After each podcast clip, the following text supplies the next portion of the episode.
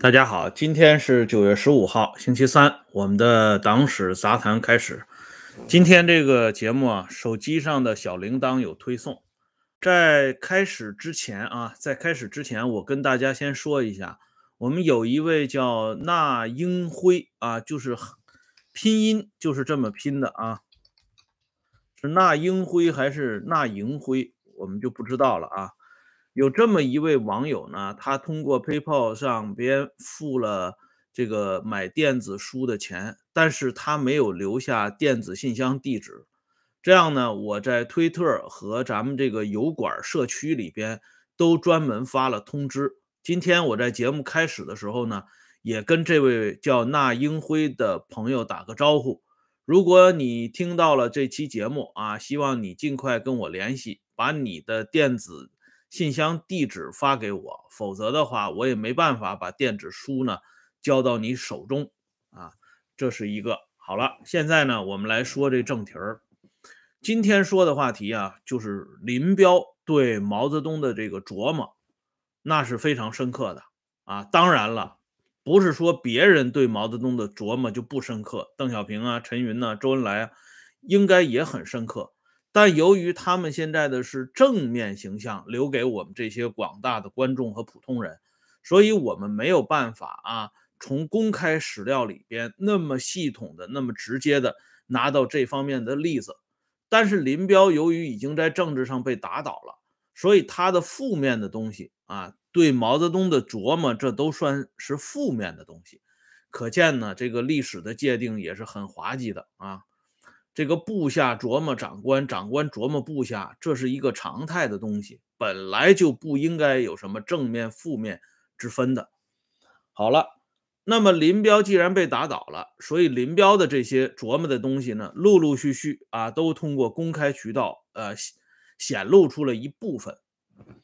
比如说林彪身边的这个内勤人员李根清后来的回忆，就让我们看到啊。林彪对毛泽东的这些琢磨，不仅啊在脑子里边琢磨，而且呢还行诸于文字，否则我们也看不到林彪下了多大的功夫。那么林彪对毛泽东是怎么一个深刻认识呢？在讲这个话题之前，我们还是先回到邓小平和陈云的身上。我们都知道啊，昨天我在节目里边已经给大家讲过，那个三个副词啊，天才的、创造性的啊，全面的发展了马克思列宁主义的这个原创版权是源自于邓小平啊。有的人在回复当中噼里啪啦的又说了一些别的东西，我就不再回应啊。我想强调的是，在中国共产党第九次全国代表大会召开前夕。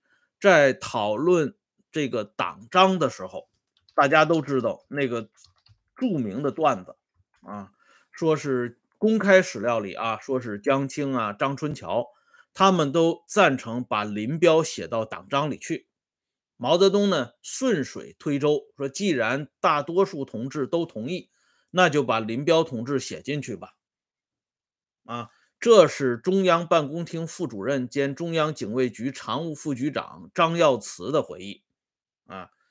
但是不管啊，张耀祠说的是准确还是不准确，我们看到的事实是，林彪的名字确实写进了党章。林彪有没有推辞啊，或者是呃自己愿不愿意？这个说辞呢，历来也是争论不休。但是把林彪的名字。写进了党章，就是林彪同志是毛泽东同志的亲密战友和接班人。这句话应该是空前的啊！之前党的历次全国代表大会上，从来没有在党章上把个人的名字如此的啊正式的排列开来。所以这九大呢是放了一个卫星，由此。也有很多党史的论述者认为啊，林彪在这个啊党的九大上边，他已经得到了一个什么样的地位啊，完成了他篡党夺权的重要的一步。但是这些话呢，说实话，都是基于林彪被打倒的前提下说的这番话。貌似呢给我们留下一个印象，似乎呢在践踏党章这件事情上，江青啊、张春桥啊、林彪啊这些被打倒的人做的可谓是肆无忌惮，而我们那位伟大领袖和革命导师呢，那是无可奈何，哎，是营造了这么一个氛围。可是我们接下来往下看一段故事呢，就会让大家呢这个眼镜掉一下地上啊。因为在拨乱反正之后啊，中央强调这套个人崇拜的东西再也不能搞了啊，大家都得到共识了。到了一九八二年啊，以党的第十二次全国代表大会为代表的拨乱反正的这场大戏啊，就所谓的改革开放，终于在神州大地上唱响了啊！当时邓小平的威望有多高？大家看一下一九八四年的大阅兵就知道了。年轻人，尤其是那些年轻的大学生啊，发自内心的举着标语喊了一句“小平您好”啊！直到今天，还有人在留言中对邓小平的所谓的改革开放歌功颂德。可是大家没有阅读过党的第十二次全国代表大会的党章，这党章当中，在党的领导机构里边有这么一句话。就是中国共产党中央军事委员会主席要产生于中国共产党中央政治局常务委员会之中啊，有这么一条党章的记载，就是党的军委主席必须是政治局常委。这个呢，也符合当时十二届一中全会上边的选举结果啊，党章。先出来，然后是一中全会的选举，因为一中全会上选举了六位中央政治局常委，邓小平也是常委之一，所以人家兼任中央军委主席是符合党章的要求的。可是我们别忘了，李承鹏先生还有一句话等着，就是说《人民日报》每一篇写的都很好，只是不宜看核定本。人民日报不宜看核定本，这党章也不宜看核定本。五年以后，一九八七年，党的第十三次全国代表大会召开了，自然又要修改党章。反正每一次党的代表大会都要修改党章。可是十三次全国代表大会的党章修改当中，很多内容呢，跟十二次党代会的党章都是一样的，没有太大变化，唯独。在党的领导机构当中改了一条，我刚才跟大家说了啊，十二大的时候强调的是中央军委主席产生于中央政治局常务委员会当中，而十三大当中这条党章不见了，中央军委主席不必产生于中央政治局常委会之中，为什么不见了？因为。邓小平这个时候已经退出中央委员会、退出中央政治局常务委员会和中央政治局了。换句话说，邓小平当时在中央委员会和中央政治局里边没有任何公开职务了，可是他仍然兼任中央军委主席，这也是开了先河的啊！从当年扯旗造反到后来进了北京城啊，这几十年算下来。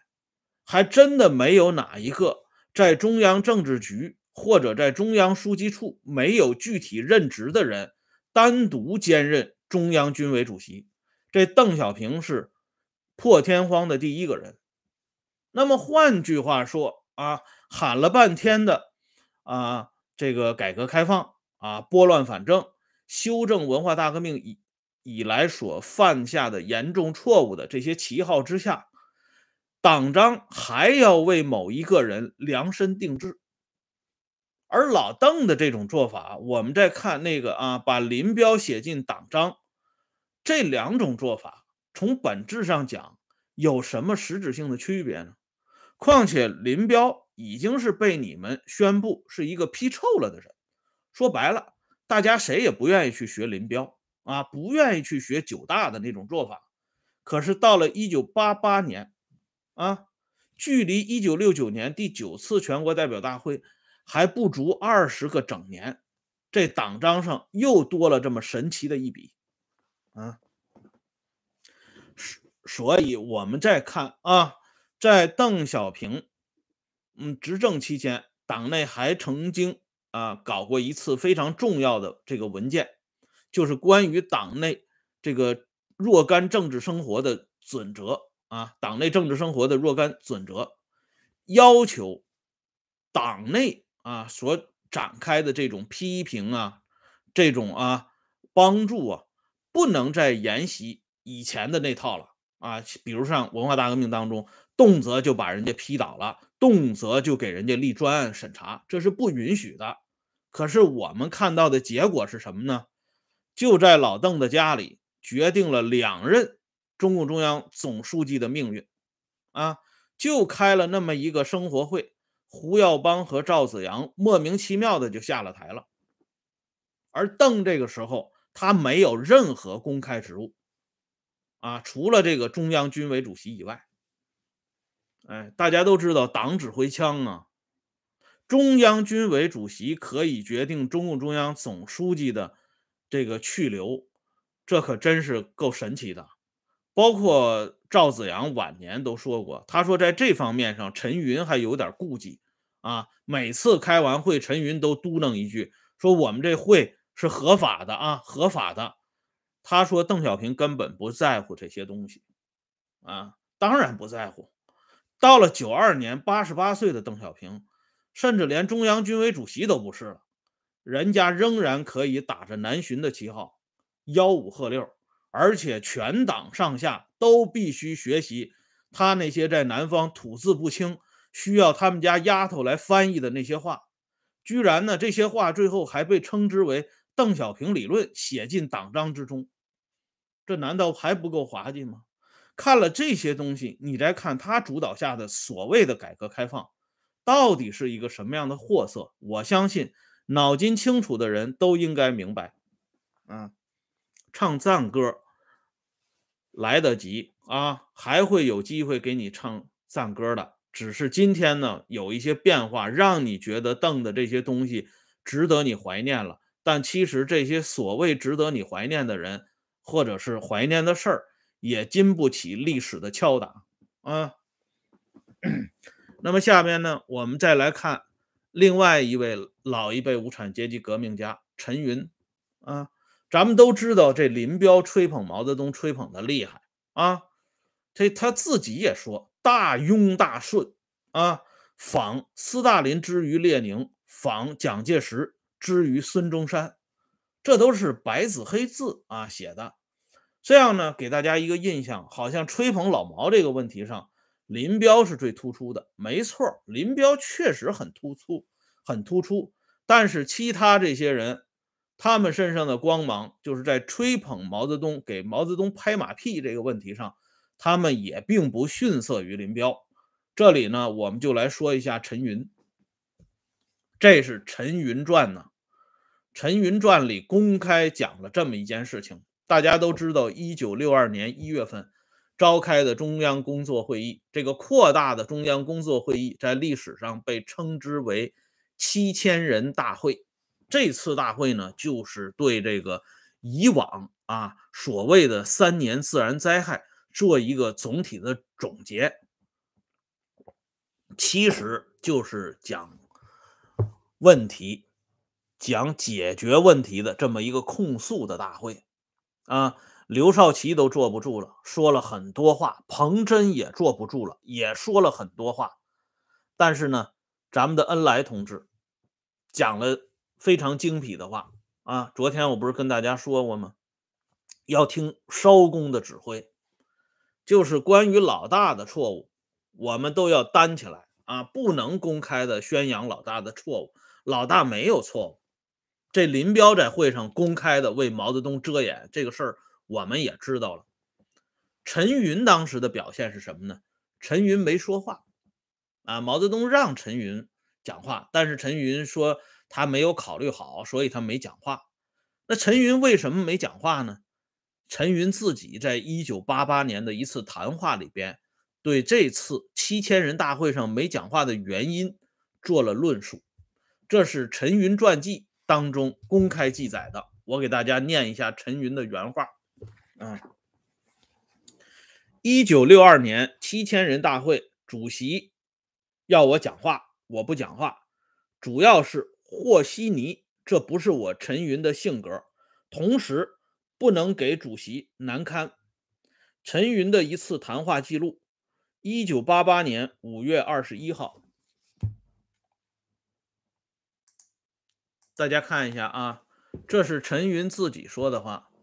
他在七千人大会上不说话，两个原因：一个呢，他不愿意和稀泥。至于他的性格是不是和稀泥，这个由历史来做结论。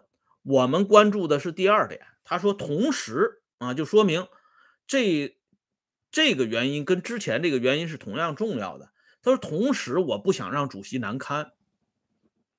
看见没有？周恩来在小组会上啊，给毛泽东打掩护；林彪在大会上公开替毛遮羞，而陈云呢，侧面的不想让毛泽东难堪。那你说他们哥仨哪一个更厉害呢？我认为这哥仨实际上在本质上没有任何区别。”反倒是周恩来和陈云比林彪要奸啊！用咱们老百姓话讲，要比林彪狡猾。为什么呢？林彪公开讲这些话，那很多人是清楚这所谓的三年自然灾害是谁造成的。彭真已经把答案给捅出来了，对吧？老大是要负责任的，但是林彪公开给老大推卸责任。那么他在一部分正直的人的心目当中，他的形象当然就可想而知了。而咱们的恩来同志呢，人家是在背后小组会上，只有二十几个人能够听到的，下边的干部群众是不知道的。而陈云更绝，陈云干脆就不说。人家什么时候说呢？